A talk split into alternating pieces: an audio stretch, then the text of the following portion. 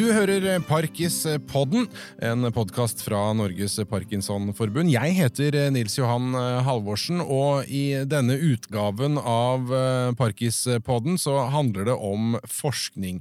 Og eh, nå skal vi inn, Espen Dietrichs, hei igjen. Hallo. Vitenskapelig eh, guide i denne podkastserien eh, til behandling, og det er jo kanskje altså dette er jo tuppen, toppen av isfjellet, på en måte. Det som eh, Parkinson-pasienter og, og, pårørende på en måte møter. Det de ser, og det de vet, eh, og, og, som påvirker deres eh, hverdag. Og når det kommer til Parkinson-behandling, så er det jo sånn at alt er eh, symptomlindring. Ja, det er snakk om det. Dessverre har vi foreløpig ikke behandling som effektivt kan bremse eller stoppe sykdomsforløpet, sånn at eh, det behandlingene tar utgangspunkt i, det er jo at Parkinson-pasienter har en mangel av dopamin i hjernen, og vi må erstatte det dopaminet.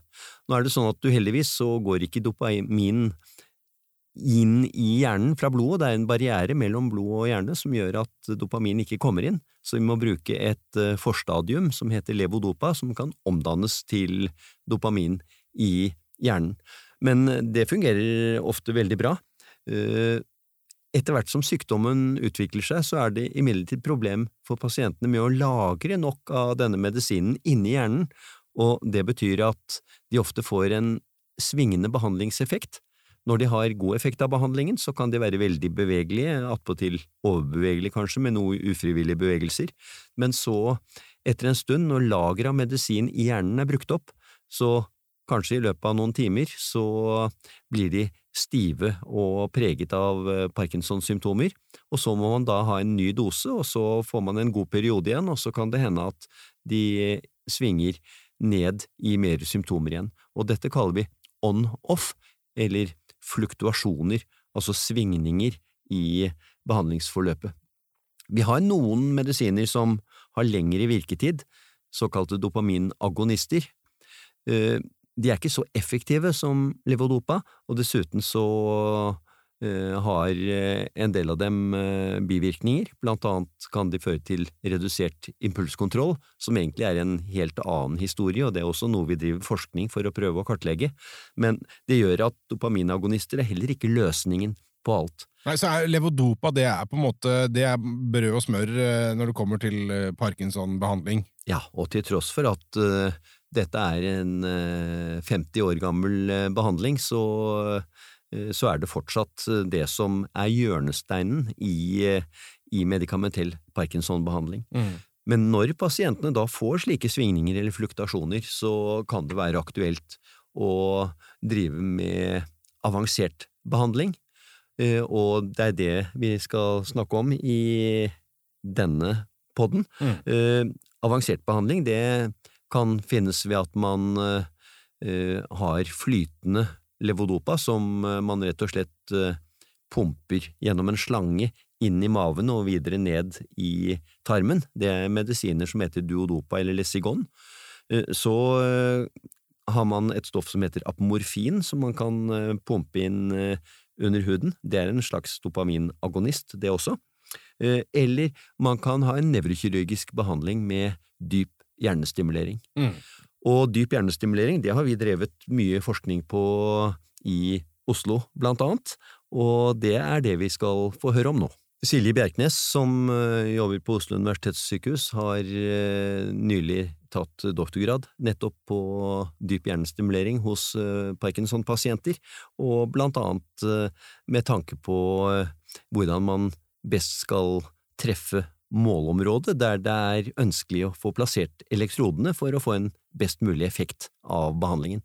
Så det vi har sett på er eh, hvordan Altså, som jeg sa, vi skal treffe noen kjerner, eller områder med nerveceller, dypt ned i hjernen. Eh, og det, det området vi skal treffe ved, i forhold til Parkinsons sykdom, eh, som vi oftest velger, det heter STN, eller subtalamisk nucleus.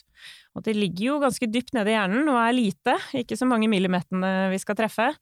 Så selve det første studiet som jeg gjorde, gikk på hvordan skal vi treffe best mulig. Eh, og god effekt avhenger jo av at man har truffet godt. Eh, så da gikk det på at vi undersøkte to operasjonsmetoder mot hverandre. En randomisert studie, så de som skulle til operasjon, ble trukket ut fra en konvolutt hvilken type eh, hva skal jeg si, måte man gjorde operasjonen på. Ganske likt, men det vi gjorde, var å bruke mikroelektroder eh, som man satte ned gjennom hjernen, og leste hjernesignalene. Og så kunne vi se når vi fikk de signalene som tyder på at vi er der vi skal være. Og den ene gruppen fikk én sånn mikroelektrode, og den andre fikk fem samtidig. For å kartlegge området. Så med én, da fikk vi verifisert at vi skulle være der vi var, mens den med fem, da kunne vi lage oss et slags kart da, av hvor vi var, og da plassere den permanente elektroden ut ifra de signalene vi fikk. Mm.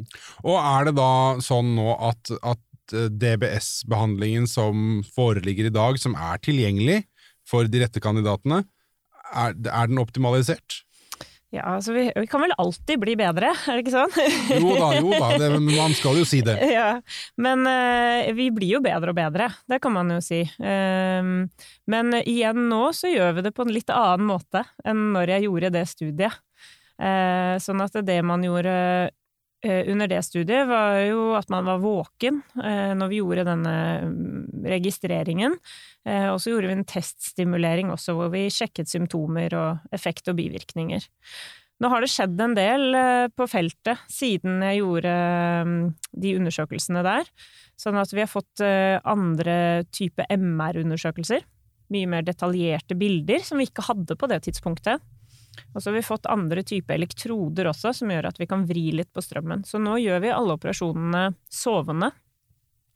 Men det er jo den nye, nye utviklingen, og vi samler nå data på det også. Og så skal vi sammenligne med den andre teknikken vi gjorde før, da. Mm. Eh, så jeg vil jo si at vi er eh, Altså de dataene som vi fikk fra vårt forrige studie, så lå vi helt i verdenstoppen i forhold til hva som er publisert andre steder i forhold til resultater. Mm. Så jeg vil si at vi er ganske flinke. det er lov å klappe seg sjøl på skuldra. Ja. Men du, hvor, hvor, eh, hvor utbredt er, er, denne behandlingsformen? Hvor mange i løpet av et år, kan man si noe om det? På Rikshospitalet så opererer vi én til to i uken. Oh ja, eh, bortsett fra i ferier og slikt. Eh, men det innebærer også ikke bare Parkinson-pasienter, men det er jo mest Parkinson-pasienter da, i den gruppen. Hva, hva videre kan, er det lurt å se på innenfor dette her? Hvor, hvor går måte, forskningsveien videre innenfor dette feltet? Ja, det er masse, masse spennende som skjer. Altså, det er jo stadig utvikling på selve utstyret, det er nå én ting. ikke sant? Som jeg sier, nå har vi fått elektroder som gjør at vi kan vri strømmen eh, rundt og treffe enda bedre. I tillegg så finnes det elektroder nå som gjør at vi kan lese av hjernebølger, eh, samtidig som man har utstyret inne.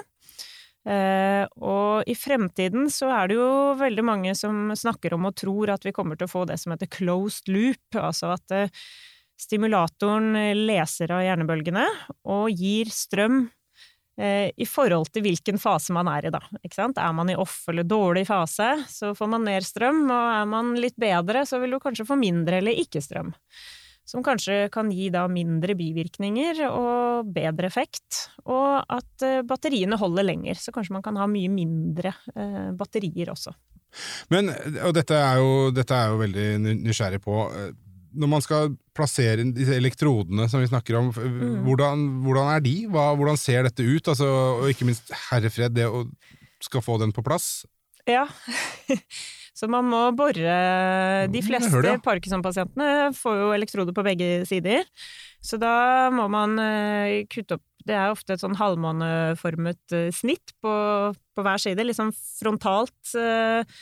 Innenfor hårfestet, hvis jeg kan si det sånn, hvis man har det. Ja, for de som har det, ja. For de som mm, har det. Ja. så det er også igjen med det kosmetiske, det er også for de som har eh, Man må barbere hår i det området når man skal operere, men når det vokser ut, så vil det ikke synes hvis man har en del hår, men uh, hos noen menn, for eksempel, så kan det synes litt, da. Så får man en liten sånn Du kan se arr, og så er det en liten klump på hver side.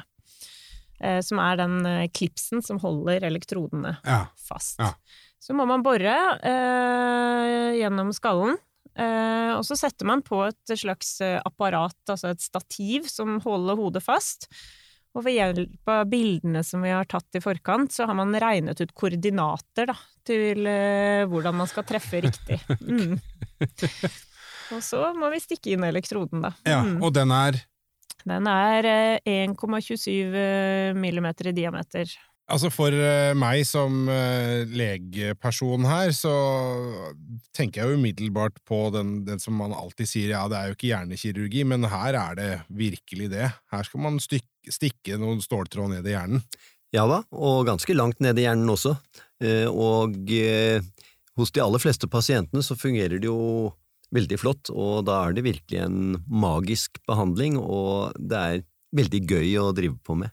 Ja, jeg så nylig eh, kom over helt tilfeldig et eh, program med en, eh, en nevrokirurg som holdt på med dette, med en pasient som var våken og skulle holde et glass med vann, og det var, det, altså det rista så intenst, og så begynte de å liksom skru på den strømbryteren, og da til slutt så var det helt rolig. Det er veldig fascinerende å se, og det må jo være tilfredsstillende å se altså det er som å skru en bryter, ikke sant? Så, så er det en helt annen hverdag.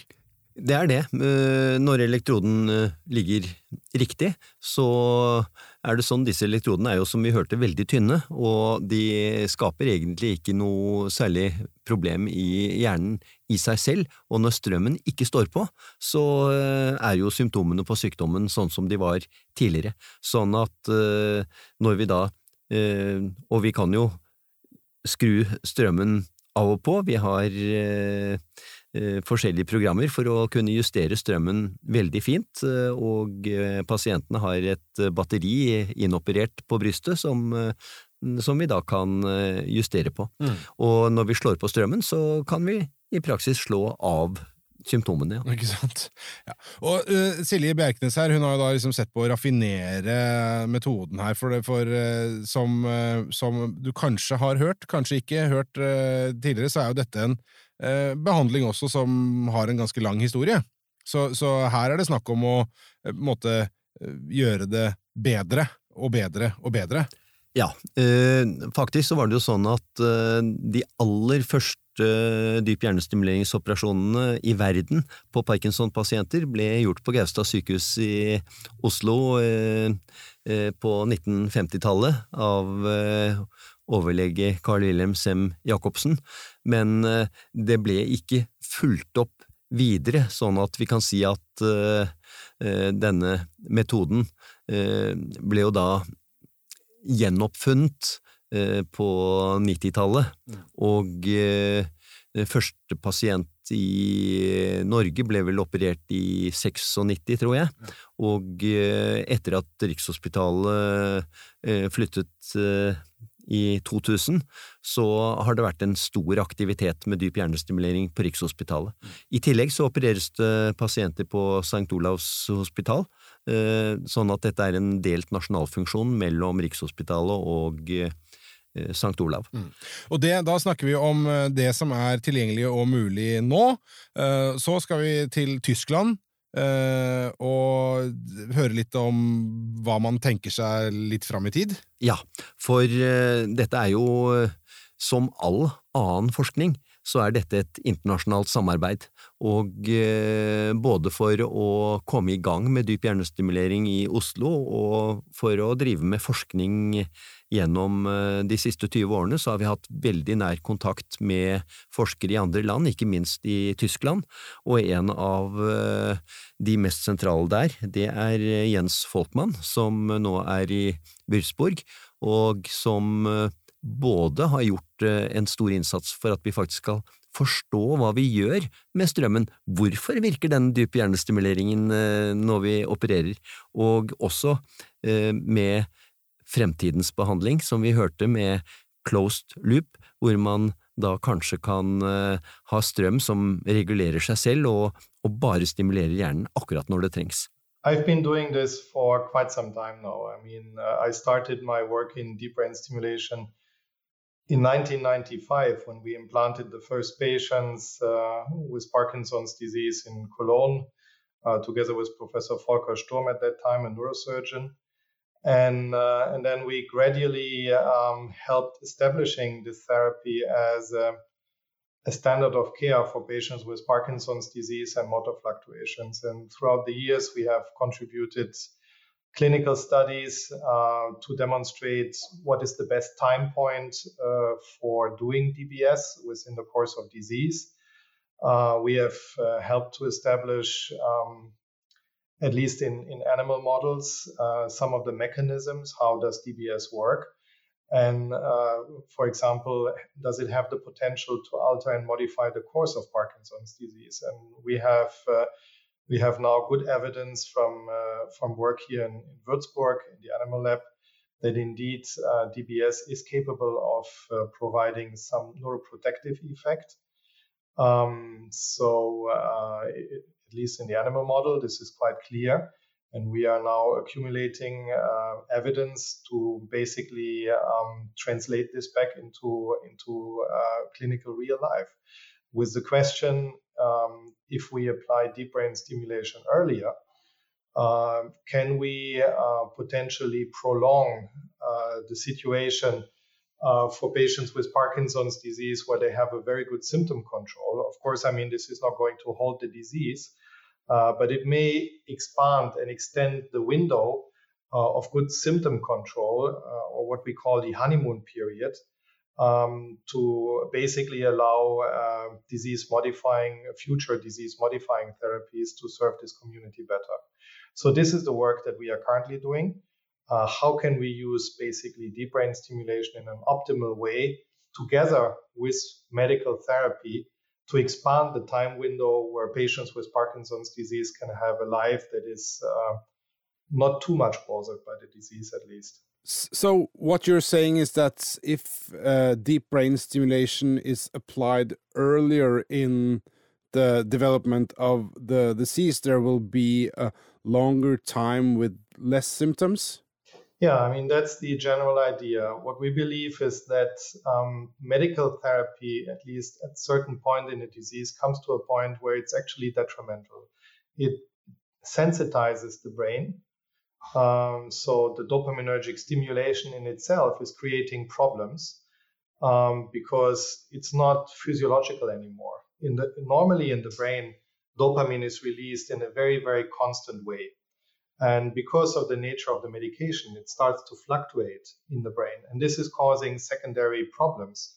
These problems are dyskinesia, motor fluctuations, but also psychiatric complications of, uh, of the medication, such as impulse control disorders, impulsivity, or you know, psychosis, uh, a number of uh, also non-motor complications.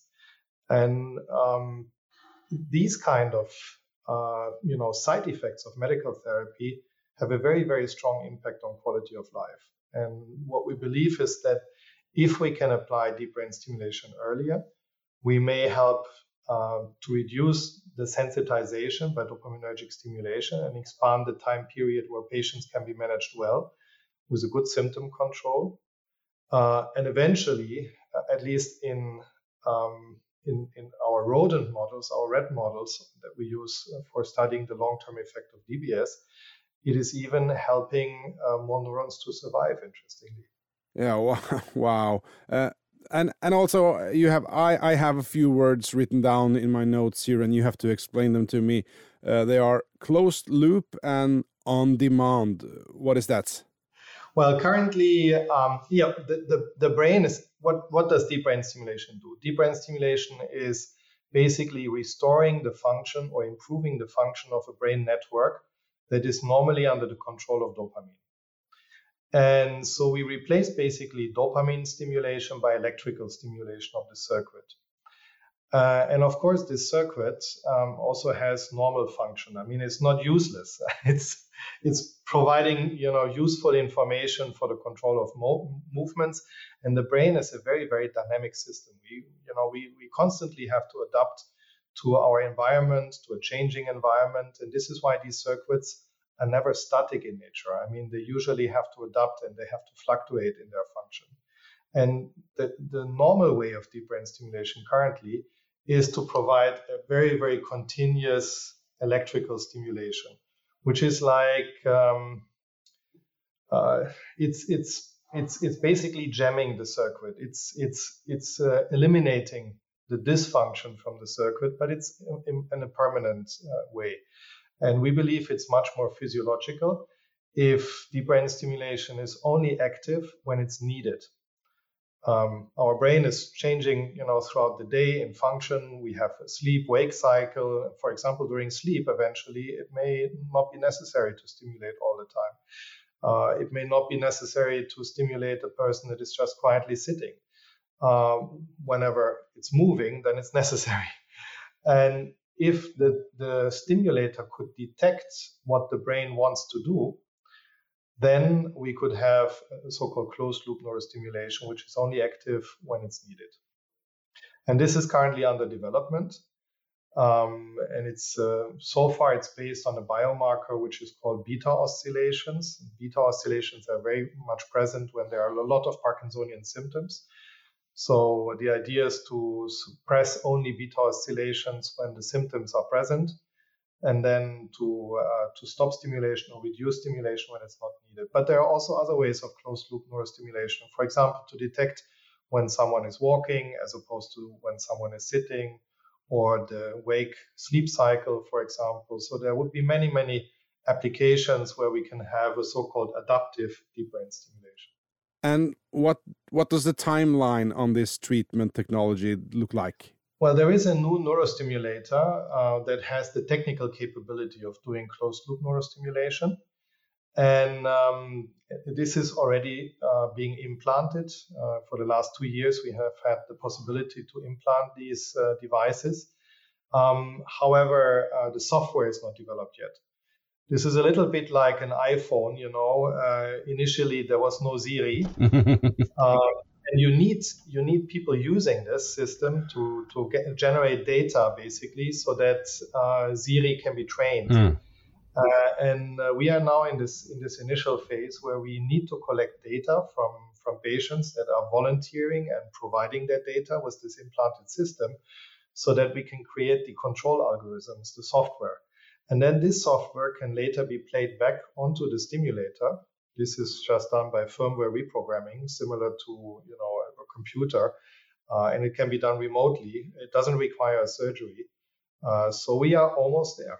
Professor Jens uh, Folkmann der, uh, Espen. Uh, vi får prøve oss på en liten oversettelse, oppsummering her også, siden han, snakker engelsk.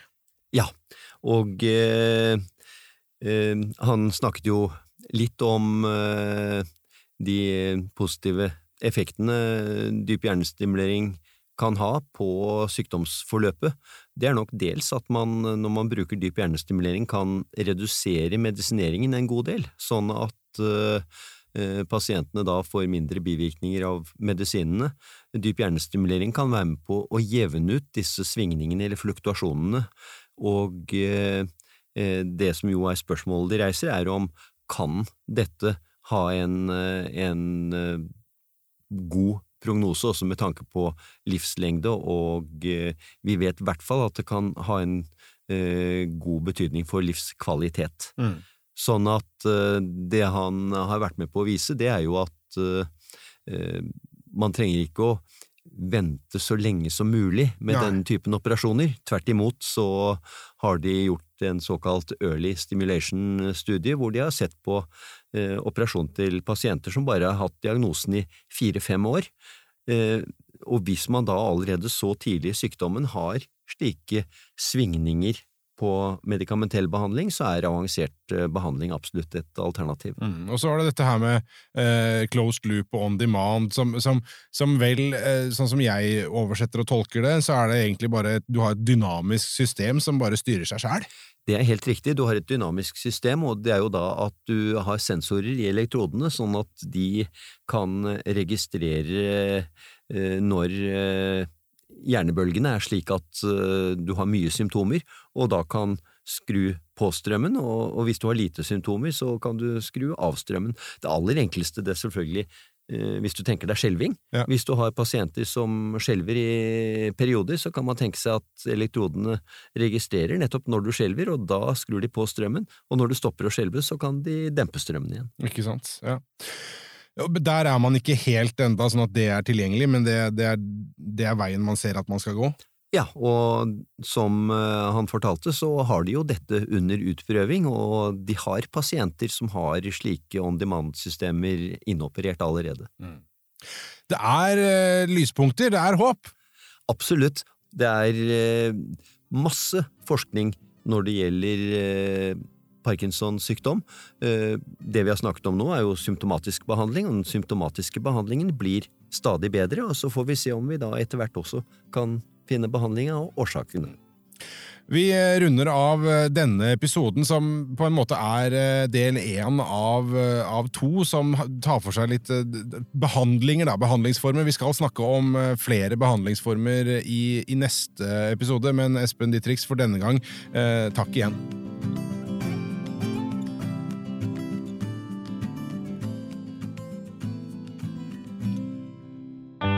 Denne podkasten er produsert av Tid og lyst. For Norges Parkinsonforbund med støtte fra stiftelsen DAM.